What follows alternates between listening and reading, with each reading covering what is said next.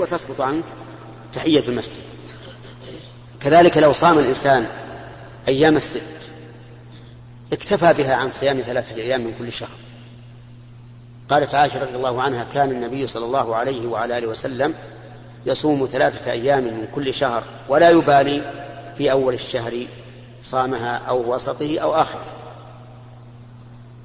وإذا كنت تريد أن تصوم الأيام البيض بذاتها فإنه تصوم أيام الست في أول الشهر ثم إذا جاءت أيام البيض صمها. لأنك أردت أن يكون صيامك في هذا الوقت المعين. أما صيام ثلاثة أيام من كل شهر فإن صيام الأيام الستة يجزي عنه. نعم. فضيلة الشيخ ما حكم السترة وما مقدارها؟ آه، السترة في الصلاة سنة مؤكدة إلا للمأموم. فإن المأموم لا يسن له اتخاذ السترة اكتفاء بسترة الإمام. أما مقدارها فقد جاء في الحديث إذا صلى أحدكم فليستتر ولو بسهم. وجاء في الحديث الآخر الذي رواه أبو داود بإسناد حسن أن من لم يجد فليخط خطا. قال الحافظ بن حجر في بلوغ المرام لم يصب من زعم أنه مضطرب. فالحديث ليس فيه علة توجب رده فنقول أقلها خط وأعلاها مثل مؤخرة الرحم. وهي سنة في حق الإمام والمنفرد لا في حق المأموم. نعم. هناك أحد الأساتذة في الجامعة يقول أن قولنا عن النبي صلى الله عليه وسلم أشرف خلق الله لا يصح وأن هذا من عبارات التصوف. واستدل بقوله تعالى ويخلق ما لا تعلمون. يقول أننا لا نحصي خلق الله تعالى حتى ندعي أن نبينا محمد صلى الله عليه وسلم هو من أشرفها نعم. المشهور عند كثير من العلماء إطلاق هذه العبارة أن محمد صلى الله عليه وسلم أفضل الخلق. كما قال الناظم وأفضل الخلق على الإطلاق نبينا فمل عن الشقاق. لكن الأحوط والأسلم أن نقول محمد صلى الله عليه وسلم سيد ولد آدم وأفضل البشر وأفضل الأنبياء وما أشبه ذلك اتباعا لما جاء به النص. ولم أعلم إلى ساعة هذه أنه جاء أن النبي صلى الله عليه وسلم أفضل الخلق مطلقا في كل شيء. وأما الاستدلال بالآية ويخلق ما لا تعلمون ففي غير محله. لأن هذه الآية في المركوبات. قال الله تعالى والخيل والبغال والحمير لتركبوها وزينة ويخلق ما لا تعلمون يعني مما تركبون. وهو أيضا يخلق ما لا نعلم من غير ما نركب. لكن الاستدلال بهذه الآية على أنه يمكن أن يخلق الله تعالى خلقا خيرا من محمد عليه الصلاة والسلام فيه, فيه نظر. إنما الأسلم أن الإنسان في هذه الأمور يتحرى ما جاء به النص. مثلا لو قال قائل هل فضل الله بني آدم على جميع المخلوقات؟ بني آدم عموما. نعم؟ لا هو صحيح. لأن الله قال ولقد كرمنا بني آدم وحملناهم في البر والبحر ورزقناهم من الطيبات وفضلناهم على كثير ممن خلقنا تفضيلا. ما قال على كل من خلقنا. فمثل هذه الإطلاقات ينبغي للإنسان أن يتقيد فيها بما جاء به النص فقط ولا يتعدى. والحمد لله نحن نعلم أن محمدا عليه الصلاة والسلام خاتم النبيين وأشرف الرسل وأفضلهم وأكرمهم عند الله عز وجل وهو خاتم النبيين وهذا أدلته مشهورة معروفة وأما ما لم يرد به دليل صحيح فإن الاحتياط أن نتورع عنه. نعم أما كون هذا من عبارات الصوفية وغير الصوفية هذا لا أدري. هل, هل إن الصوفية هم الذين يقولون هذا أو لا؟ لكن هو مشهور عند كثير من العلماء تجدهم يقولون محمد أشرف الخلق. نعم. شيخ أحسن الله إليك. آه، شخص يعمل في إحدى المؤسسات ويقوم بعمل آه، جيد. و بعمل إيش؟ بعمل يواجه فيه الجمهور. أوه. فأحد العملاء أو المتعاونين معه أهدى له إهداء. إهداء نتيجة هذا العمل آه، فهل يقبل هذا الإهداء من من باب التشجيع له أم يرده؟ إذا كان هذا هذا الرجل الذي أهدى إليه ممن يتعامل معه فلا يقبل الهدية لأنه يخشى أن تكون رشوة ومعلوم أن الهدية تجلب المودة والمحبة وأنها تعصف بالإنسان عن اتباع الصراط المستقيم. فيخشى إذا جاءت معاملة لهذا الذي أهداه أن يقدمها إيش؟ على غيره ولو في المستقبل البعيد. فنرى أن الإنسان الذي يباشر أعمالا للجمهور أن لا يقبل هدية ممن يتعامل معه لأنه سوف يحابيه ولو على الزمن البعيد. نعم. شيخ آه، هل من توبة لمن أصيب بمرض لا يرجى شفاؤه؟ هل إيش؟ من توبة لمن أصيب بمرض لا يرجى شفاؤه. يقول هل من توبة لمن أصيب بمرض لا يرجى شفاؤه يعني أنه هل تصح التوبة من شخص أيس من الحياة والجواب نعم تصح التوبة من إنسان أيس من حياته إما بمرض كمرض السرطان مثلا وإما بتقديمه للقتل كرجل يريد أن يقتص منه حتى ولو كان السياف على رأسه وإما من إنسان محصن زنى واستحق الرجم حتى ولو كانت الحجارة قد جمعت لرجمه فإنها تصح توبته. لأن الله تعالى يقبل توبة الإنسان ما لم يغرغر بروحه. لقول الله تعالى إنما التوبة على الله للذين يعملون السوء بجهالة ثم يتوبون من قريب فأولئك يتوب الله عليهم وكان الله عليما حكيما. ومعنى قوله يتوبون من قريب أي يتوبون قبل الموت. لقوله تعالى بعد هذه الآية وليست التوبة للذين يعملون السيئات حتى إذا حضر أحدهم الموت قال إني تبت الآن. ولكن التوبة لا بد لها من شروط. من شروط خمسة الإخلاص والندم على ما فعل والإقلاع عنه في الحال والعزم على أن لا يعود في المستقبل وأن تكون التوبة في الوقت الذي تقبل فيه أي بأن تكون قبل الموت أو قبل طلوع الشمس من مغربها. نعم. السلام عليكم فضيلة الشيخ. السلام ورحمة الله. أنا من دولة إريتريا. وفي إريتريا الحكومة تتأهل المسلمين وتجي لهم ضرائب للمشاريع. مثلا عندهم محلات عندهم معارض تجي لهم أكثر من دخلهم. مثلا واحد يدخل في الشهر 100 ريال تجي له ضرائب في الشهر إيجار البيت بس 700 ريال. مثلا في السنة ما يدخلوا 1000 ريال تجي لهم 20000 ريال ضرائب وعندنا ما في عندنا بنوك بنوك فيها فوائد. لو مثلا هذه الفوائد اللي يدخلوا فلوسهم لو يعطوا للحكومة فيه شيء. الدرائي اللي فوائد يجيبوا من البنوك. بدل يتركوا للبنك تأخذه حكومة مسيحية لو هذا الفوائد البنك يعطوا للحكومة اللي تظلم المسلمين دحين. أو عندهم مثلا زكاة أموال الزكاة هذا الزكاة لو يعطوه يرفعوا في الدين هذا حق الحكومة. إيش رأيكم فيه؟ هذا السؤال كما سمعتم يقول إن الحكومة تظلمهم بفرض الضرائب عليه أكثر من من دخله فهل يجوز أن يأخذوا الربا من البنوك ليصرفوه في هذه الضرائب؟ هذا السؤال. السؤال الثاني هل يجوز أن ندفع الزكاة في هذه الضرائب؟ والجواب أما دفع الزكاة في هذه الضرائب فلا يجوز ولا إشكال فيه. لأن لأن الزكاة لها أهلها الخاصون بها.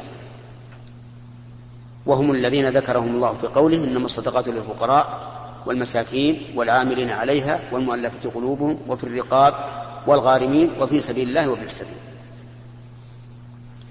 وأما أخذ الربا ليدفع في هذه الضرائب الظالمة فأنا أرى أنه لا يجوز أيضا. لأن الله قال يا أيها الذين آمنوا اتقوا الله وذروا ما بقي من الربا إن كنتم مؤمنين فإن لم تفعلوا فأذنوا بحرب من الله ورسوله وإن تبتم فلكم رؤوس أموالكم. رؤوس أموالكم يعني بدون زيادة. لا تظلمون ولا تظلمون. نعم لو فرض أن عائدات هذه البنوك تعود إلى هذه الحكومة الظالمة فهذا ربما يفتى بأن تأخذ هذا الربا لتدفعه لتدفع الظلم عن نفسك لأنك سوف تأخذه من الدولة الظالمة. لتدفعه لتدفع به ظلمه. أما إذا كانت البنوك لغير هذه الدولة الظالمة فلا أرى جواز الأخذ. وإن كان بعض الناس يفتي بأنه بأن يأخذه الإنسان لا بنية التملك ولكن بنية ولكن بنية توقي صرفه إلى مؤسسات نصرانية. لأن بعض الناس يدعي أنك إذا لم تأخذ هذا الربا صرفته هذه البنوك في الدعوة إلى النصرانية التي يسمونها التبشير. ونادي هل هذا صحيح أو لا. وعلى كل حال فخلاصة جوابي في هذه المسألة أنه لا يجوز أخذ الربا من البنوك لقوله تعالى يا أيها الذين آمنوا اتقوا الله وذروا ما بقي من الربا إن كنتم مؤمنين فإن لم تفعلوا فأذنوا بحرب من الله ورسوله وإن تبتم فلكم رؤوس أموالكم لا تظلمون ولا تظلمون. فنص على رؤوس الأموال. ثم إن النبي صلى الله عليه وعلى آله وسلم قال في خطبة حجة الوداع في عرفة أكبر مجمع للأمة الإسلامية قال إن ربا الجاهلية موضوع وأول ربا أضع من ربانا ربا العباس بن عبد المطلب فإنه موضوع كله. فانظر الآن عقد ربا في حال الشرك. وأبطله الرسول عليه الصلاة والسلام. لأنه ربا لا يجوز أخذه. ولأن الإنسان لو أخذه فربما تغلبه نفسه ولا يخرجه من ملكه. لا سيما إذا كان كثيرا. افرض أن الربا بلغ مليون ريال. ربما يأخذه الإنسان وهو يريد أن أن يتخلص منه لكن تغلبه نفسه. فيبقيه. ولأن الإنسان إذا أخذه اقتدى به الغير من يدري أن هذا الرجل أخذه ليتصدق به مثلا؟ فيأخذه الناس الآخرون ولا يتصدقون به. ولأننا إذا منعنا الناس من أخذ الربا من هذه البنوك ألجأهم هذا إلى أن ينشئوا بنوكا إسلامية. تكون مبنية على الشريعة الإسلامية. وإذا ترك الناس فمعلوم أن هذا أسهل لهم. الإنسان يضع ماله وبعد سنة يأخذ عليه مثل العشر أو أكثر أو أقل. فالذي نرى أن أخذ الربا لا يجوز بأي حال من الأحوال نعم. إلا أنه إلا أننا نتوقف في المسألة الأخيرة. وهي إذا كانت هذه البنوك لهذه الدولة الظالمة التي تضرب الضرائب على الناس وأخذ الإنسان من الربا بقدر ما ظلمته فهذا محل توقف عندي. والله أعلم بالصواب.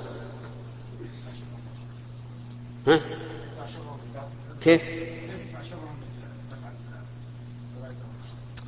هذا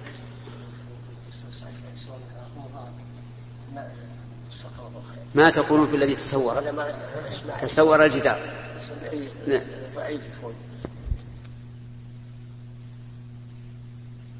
شوف رمضان. واحد يقرأ سنه. وصار عليه دم وجرحه. ونيته انه ما هو صايم. يوم إنه جاء بعد الصلاة ويا المرض يوم انتهى والدم انتهى وصار هل يقضيها أو ما يقضيها؟ إيه. يعني ما نوى إلا عقب الفجر. يعني ما, ما لزم. ما لزم إلا عقب الفجر. اي ما لزم إلا عقب الفجر. إيه. على حسب المرض. بس إيه، يقضي يقضي يقضي. يقضي. اي لكن خدع خل اعلمك إذا قلع الإنسان ضرسه. أو سنه وهو صائم ما عليه شيء لكن يسفل الدم فقط. هو أما قضية الرجل هذا اللي تسأل عنه لا بد أن يقضي اليوم لأنه ما نواه من أول. لا ما باللي ما إيه. على حسب إنه الله المهم يقضي يقضي. ثانيا حنا في المسجد في إسرة تسمع هو اللي بالسؤال الثاني؟ أذن المذن أذن المذن طال عمرك بس أنا ما قد السؤال بس هو موضوع الصوت إيه. أذن المذن اثنين وجانا واحد وقال بعد دقيقتين أو ثلاث دقائق الم... المغرب. المغرب. إيه. رمضان صوم يعني أفطرت قبل قبل يقول هو يقول والله إحنا الحين اثنين مدنيين اثنين إيه. إحنا في في بيتنا أسرة. إيه. هل علينا الصوم؟ تبي من الراديو اللي سمعته ها؟ ما هو بالراديو. لا, من الأذان. من الأذان. اي يا اثنين جميل ما عليك ما, بارك الله ما عليك ما يروح بعد. هذا والجماعة ما شاء الله مقصرين. إن شاء الله يسمحوا لنا هذه وحده يوم اللجنة. ها؟ مرة. إيه. يوم اللجنة. نذرت أن أنصروها السعودية على العراق ان يذبح أربع ذبايح تقول أنا أفرقهن ولا ونذرت إني أطبخهن. تقول أفرقهن ولا هذا يقول إنها امرأة نذرت في أيام الأزمة يعني يعني الحرب مع العراق. إن نصر الله السعوديه على العراق فإنها تذبح أربع ذبائح تطبخها فنقول اولا ننهى. هذه المرأة وغيرها. لا تكلم. ننهى هذه المرأة وغيرها عن النذر. لأن النبي صلى الله عليه وعلى آله وسلم نهى عن النذر وقال إنه لا يأتي بخير ولا يرد قضاء.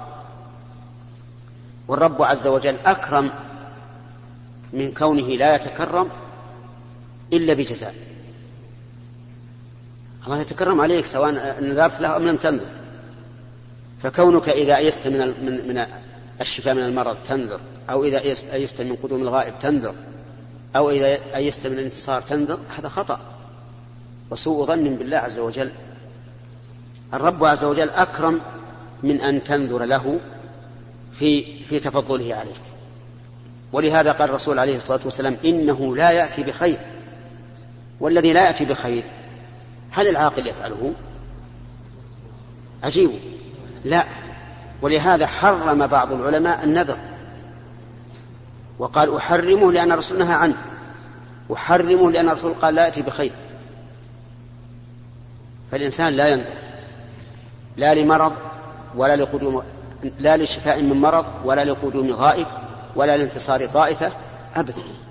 لكن إذا ابتلي ونذر فإنه إذا نذر ذبحا يذبحه ويتصدق به على الفقراء ولا يأكل منه ولا يطعم منه الأغنياء. فقل لهذه المرأة تذبح أربع الغنم وتطبخها كما نذرت وتوزعها على الفقراء خاصة. فهمت؟ وإذا رأت أن المصلحة أن توزع على الفقراء وهي غير مطبوخة أقول إذا رأت أن هذا أنفع للفقراء فل فل فلتوزعها غير مطبوخة. نعم. خلاص؟ فهمت الآن ولا لا؟ يعني مثل قلة تذبح. مثل عالية يعني تعامل قلة تذبحهن وتوزعهن لحم ني على الفقراء. إلا إذا كان طبخهن أحسن تطبخهن وتوزعهن على الفقراء. أما هي ما تأكل منها ولا تطعم منها الأغنياء طيب تعانى يعني مثل الصديق أو أبوه. يساعدها يعني على على على إيه. ما خال ما في معنى طيب فيه قول لي عنده ثلث. ثلث. وثلث غنم بدو وراح قال الحين أنا وهو حاط سبيل لحاله أنا الحين وما له شيء الحين اخسرها الحين ولا؟ ما يخاف جزاك الله خير. أقول لا بأس. أما هو وصيته انتهت راح إيه راح تبي تبذل له خير ابذل له خير. تبي تبي الدعاء له فالدعاء أفضل. لأن الرسول صلى الله عليه وسلم قال إذا مات الإنسان انقطع عمله إلا من ثلاثة صدقة جارية يسويها هو أو علم ينتفع به أو ولد صالح يدعو له. ما قال ولد صالح يحط له الثلث وما أشبه ذلك. يعني ما في معنى ما في معنى السلام اسمحوا لنا يا جماعة. اسمعها واصبر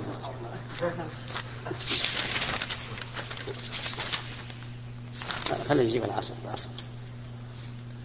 طيب.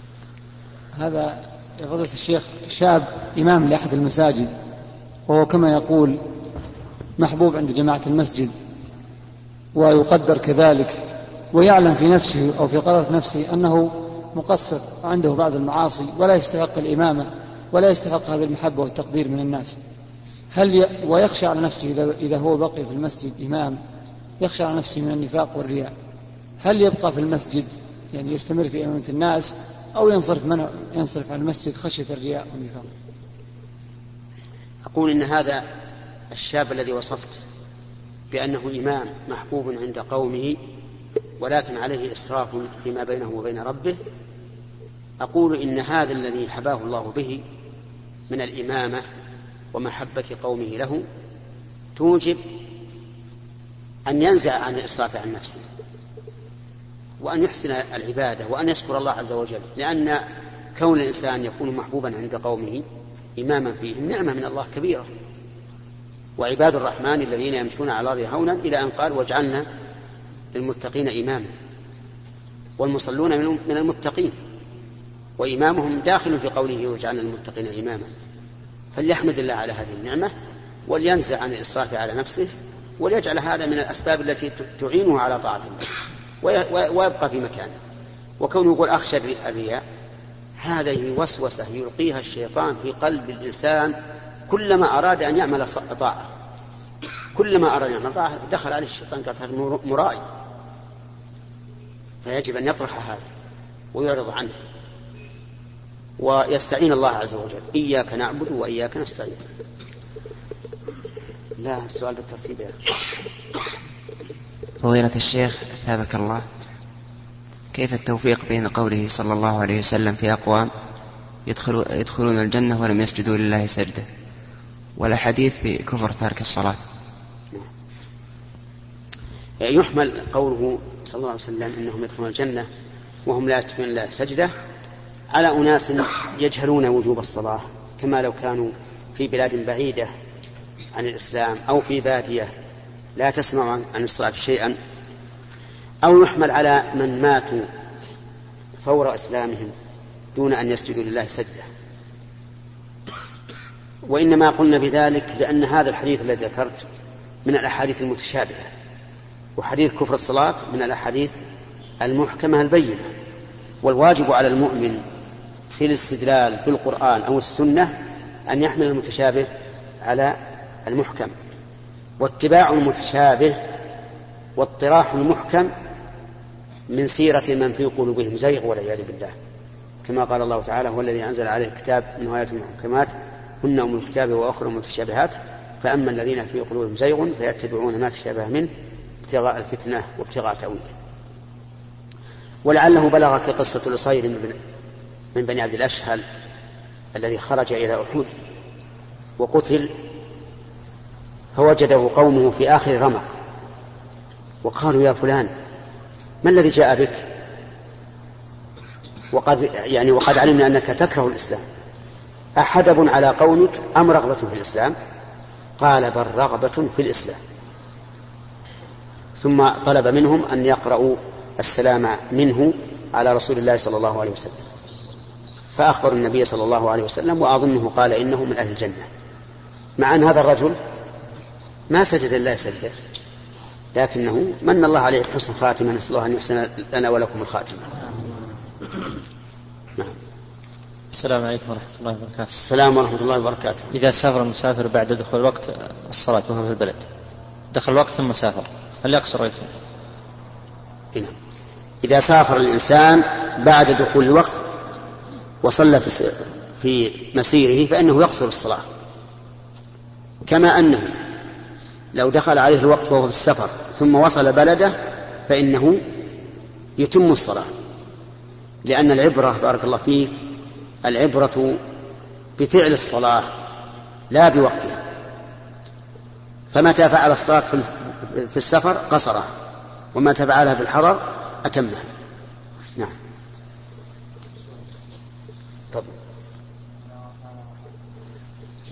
حكم من تستعمل الجن بحجة أن من تستعملهم هم من الجن المسلمين.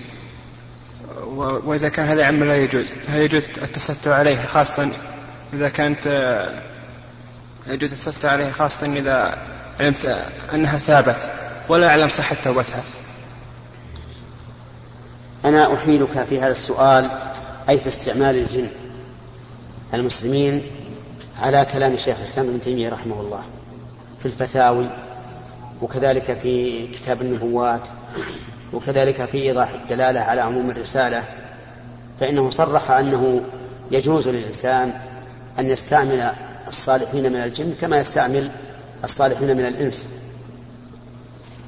ويعلم صلاحهم بطريقتهم فإذا كانوا لا لا لا يستجيبون للإنسان إلا بكفره بأن يذبح لهم مثلا أو كانوا لا يستجيبون له إلا بتمكينهم من فعل الفاحشة به كما لو كانت امرأة وأبى الجني عليها أن يطيعها إلا بفعل الفاحشة أو كانوا يستجيبون له في ظلم الناس بإتلاف أموالهم أو إيحاش أموالهم كما لو قالوا نحن ننذر لك إبل فلان مثلا.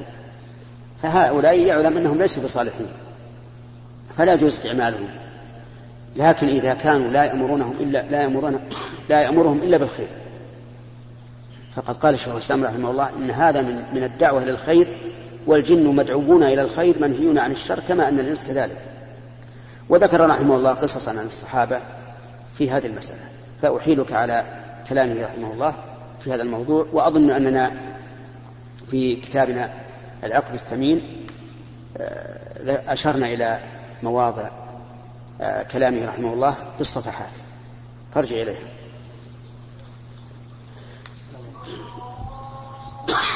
آه، الأخ موسى صاحب التسجيل يشير إلى أن الوقت قد انتهى.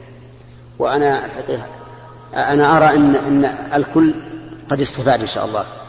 فالذي لم يسأل سأل أخوه سؤالا قد يكون في ذهنه فينتفع بسؤاله. وقد لا يكون في ذهنه لكن استجد له سؤال ينتفع به إن شاء الله تعالى والحلقة القادمة إن شاء الله الذي تقدم الآن يمكن يكون له التقدم في المستقبل. يعني الذي لم يدرك السؤال الآن يمكن إذا في المستقبل يكون له إن شاء الله الأفضلية والتقديم. أيها الإخوة.